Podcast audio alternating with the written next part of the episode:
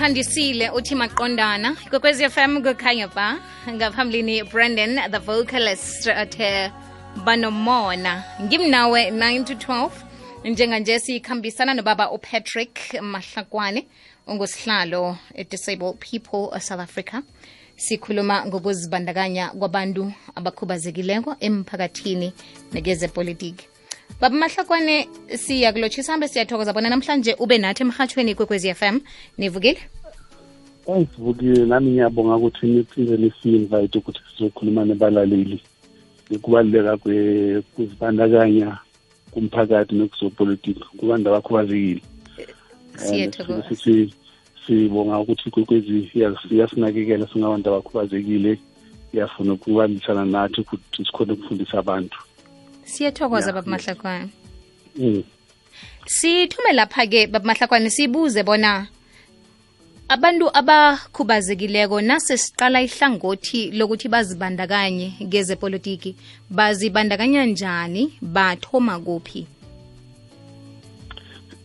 Ukuzibandakanya kubantu abakhubazekile kuzopolitiki or kumphakathi esehole kuca- kucala ekhaya.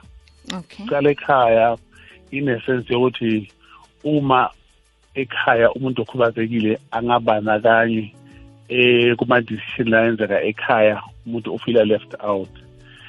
Ebese uma uphuma uya ngaphandle uya kuzopolitiki politicians and political parties kumele bazi ukuthi abantu abakhubazekile bayingxenye yomphakathi. And ukuthi bakhona ukuparticipate kumele bayenze ukuthi eh angazi ukuthi ngizayibiza kanjani ngesizulu. Ukuthi umhlaba ulingane kube level ukuthi sikhona ukudlala sisonke. Kodwa uma kungakabi level asikwazi ukuparticipate thina singabantu abakhubazekile ngoba kusuka kuba ne eh inkinga or ama-barriers la khona yenza ukuthi singakwazi ukubandakanyeka ngabekisa nje ngithi mhlawumbe eh i-political party lethile iyafuna i- ibiza umhlangano lothile uthi uyafika lapha uthola ukuthi la mhlangano okhona khona kuse esontweni or ku-community hall le ingekho accessible. Uma uthi uyafika lapha uhamba nge-wheelchair awukhoni ukungena. Uthi uyafika mhlawumbe kuney'tepisi uhamba ngama-crisis awukhoni uyafika. Umuntu ungaboni i-program yakhona eh ayikabhaleki ngebraille uyafika umuntu okhubazeke ngezindlebeni akunayi-sign language interpreter. So usala ngaphandle. Lokubalulekile kakhulu ukuthi sibandakanye ukuthi kumele bazi ukuthi bazawusebenzisana nathi kanjani. Angeke bakwazi ukusebenzisana nathi uma bangabi ingxenye yethu singabantu abakhubazekile.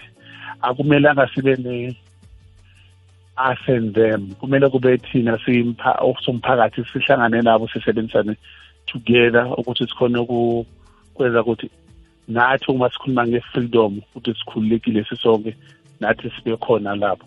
Ngoba kwamanje nje besikhuluma ngekuthi eh sikunyanga i-freedom month abantu abakhubazekile basasele emuva. Kukhona lokuningi lokungayenzeki ngoba aba-political parties nemphakathi abazi ukuthi thina sifunani. Noma thina singakhuluma emsakazweni sikhulume uma bona banganayo iwili yokuthi no masisifundele kubantu abakhubazekile silalele ukuthi bona kahle kahle yini into le lebayifunayo lengakhona kusiza thina siyi-political party kuthi sikhona ukubasiza abantu abakhubazekile. So once u-understanda lokho then you will be able to say abantu abakhubazekile bayaparticipate kule nhlangano yethu. Yes bakhona labaparticipatayo individually labakhonayo but i-majority abantu abakhubazekile ayikhona ukuphumelela ngalethi hibe leti khona or ma-barriers la khona yenza ukuthi bangakwazi ukuparticipate baba mahlakwane kuyezwakala ngaphambi kobana siragele phambili ngibawa sithengise sakubuya kodwa okay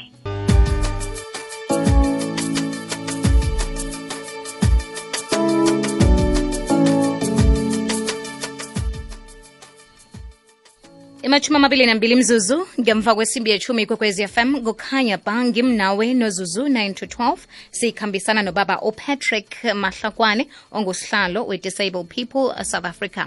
Baba mahlakwane bowusasihlathulela kamnandi. Manje sike nase siqala ikhambo kezepolitiki ngoba kunengokwenzekako lapho. Um ngakilelo hlangothi umuntu okhubazekileko um wenzani? Uzithomela yakhe ihlangano? Nangekukuthi uyafisa ukuyithoma mhlambe nakho lokho niyaqala? Well um angekhe kube wrong ukuthi umuntu okhubazekile naye aqale yakhe inhlangano kodwa we must remember ukuthi asifuni ukucreate i-us and them ukuthi ngithi nabo. Abantu abakhubazekile lapha nabantu labangakhubazekile bangala. Into lesiyifunayo ukuthi yenzeke before sifika ukuthi umuntu athome yakhe inhlangano kumele siqale silungise kushuthi iy'nhlangano zopolitiki. Mapholisisi wabo kumele acale ukukhuluma ngabantu abakhubazekile ngoba lamapholisi uma angakhulumi ngathi kuyakhombisa ukuthi abanalo lwazi or bayafuna ukushiya ngaphandle. Kanti uma ipholisi ikhuluma ngathi kusho khona ukuthi nathi siyingxenye yomphakathi ukucala inhlangano it should not be based ukuthi umuntu ukhubazekile sowucala yakhe. Kumele kube ne-vision yomuntu lwathi ngifuna i-south africa le ibhilonga kuwonke umuntu. Yabona? Mhm. even an, even a non-disabled person angayicala inhlangano athi ngiyabona ukuthi abantu abakhubazekile basele ngaphandle. Mina eyami i-political party iza izakwenza lokhu nalokhu. Izocala itshintshe ama-policies engage i-government make sure ukuthi akukho ipolicy le engakhulumi ngomuntu okhubazekile. Ba- kodwa uma uma- uma lokho kungakayenzeki abantu bangasithomela inhlangano ma- but we must remember ukuthi sizama ku- uku-mainstreama i-disability sifuna kuba kubona i-south africa le-inclusive of persons with disabilities without even starting our own party and all that. But it's not wrong uma umuntu afila but akumelanga umuntu aqale inhlangano ngoba athi mina ngikhubazekile eh alapho ama-political parties lawa khona awangisevi kumele siqale sifundise nalalabanye yabona? And eh, umuntu lo ongakakhubazeki naye angayicala le nhlangano but uma iqala injongo kumele kube ukuthi sifuna i-society that belongs to all not because um ngikhubazekile ngifuna ethu ihlangane mm. inhlangano lo izoseva abantu abakhubazekile kuphela then it will be wrong we'll be creating our own blood planet and asifuni lokhu ngoba siyingxenye yomphakathi iye Mm. Ngendlela oyitsho ngayo baba mahlakwane ikhambi ikhamba vele phezu kwento le esiyenzako njengobana utshwile namkha ukhe waveza nasithoma ikulumo yethu ukuthi um ukunikela abantu abakhubazekileko iplatform yokuthi bakhulume. Nokuthi kujayeleke emphakathini ukuthi si- si- simphakathi munye. Ngokubona kwakho ibodeli esisolo sizama ukuligiriza um u- umsebenzi owenzekako ungangani? Kuyajayeleka ukuthi sibabantu soke siyafana. Ngaphandle kokuqala ukuthi umuntu ubumbeke njani ukuhamba njani ubona njani I'm not sure na ukuthi ngizwe kahle but ngizawuzama ngoba siya sengilahlekele kancane esindebeni oh kodwa eh, ngizama ukuthi eh ibonda lelikhona Mm. yenza ukuthi sihluleke. Akuse ngathini? Kungabantu laba wrongly placed laba bekho indawo lezi indawo lezi right kodwa bangekho the right people laba khona ukudilana lama issues. Ngoba kusasekhona abantu laba kumphakathi lebacanga ukuthi abantu abakhubazekile bantwana be-government. Yabona? Yeah. once sakhipha that mentality yokuthi eh, akunamntwana we-government sisonke singabantu be- be-south africa or abantu be-government but not only disabled persons. Abantu baya bathi no wena ma ufuna ukuparticipate but nina ugovernment uyaninakekela mos. Ma uthi ufuna umsebenzi nina niyahola epenshini yabona into efana nale so Mm. ku- kumele kuqale kususwe le ngcondo le yenza ukuthi abantu basibone ngale indlela. Into le kumele ibe khona kumele basibone ukuthi siyafana sisonke. Yes ngaba ngikhubazekile kodwa ngibhilonga la South Africa. Mhm. uma ngibhilonga la South Africa ngifana na wonke umuntu ngiyayifuna imfundo ngiyayifuna i-transport ngifuna yonke into. Hence we are saying ukuthi ma-political parties nawo kumele bayenze le platform ukuthi sikhona ukuparticipate sikhona ukuba-advisa sikhona ukubatshela ukuthi nasifunani kodwa uma bayalaphaya basifuna nje ngesikhathi zomakhetho ukuthi eh kumele sobavotela then ku-wrong ngoba labanye bethu nabo labakhona abasebakafundiseki or abakahabuli kwanlasena ukuthi kumele kwenzakaleni.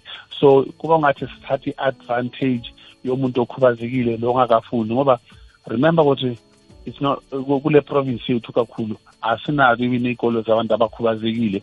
So laba ningabakafundi kanti uma sisebenzisana nema-leaders nema-organization sizakwazi ukuthi siyazi ukuthi abantu abakhubazekile sibasiza kanjani. And islogan sethu sibanikeza i-direction ukuthi nothing about us without us. Kusho khona ukuthi kumele bacocisane nathi bangasithatheli ama-decision ngoba lama-policies wabo uma sithi siyawabuka ama-political parties amanye they talk less about disabled persons. Ungathola kuyi-one sentence mara uma uthi bayi-unpack ukuthi basho ukuthini?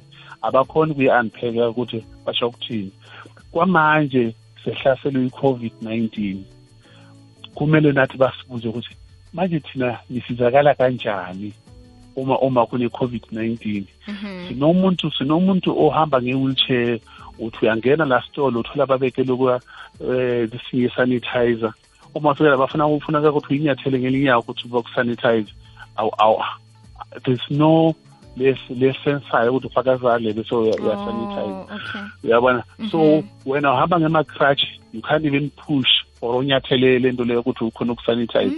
Kanti kube basebenzisana nathi ukuthi nina sinisiza kanjani kule ndaba ye-covid yabona umuntu odef nawo ufake imask eh nawo fake mask.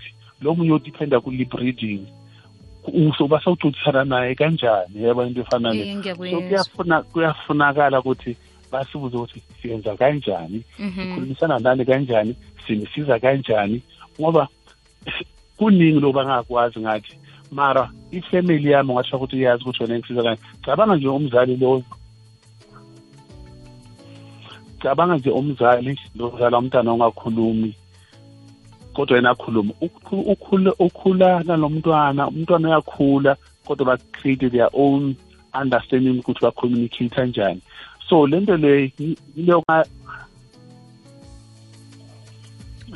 baba mahlakwane? Yebo kuno into engiphazamisayo oh okay um ngithanda bona ikulumo yethu vele sisale sesiyijamisa la sesibethwa sikhathi kodwana-ke siyathokoza sithembe bona siza kukhulumisana kodwa ngokuzako ngoba vele qobe ngelesithathu um siyayiphatha indaba yokukhubazeka. Ya no ngibonge kakhulu isikhathi senu siyabonga. Siyathokoza baba mahlakwane.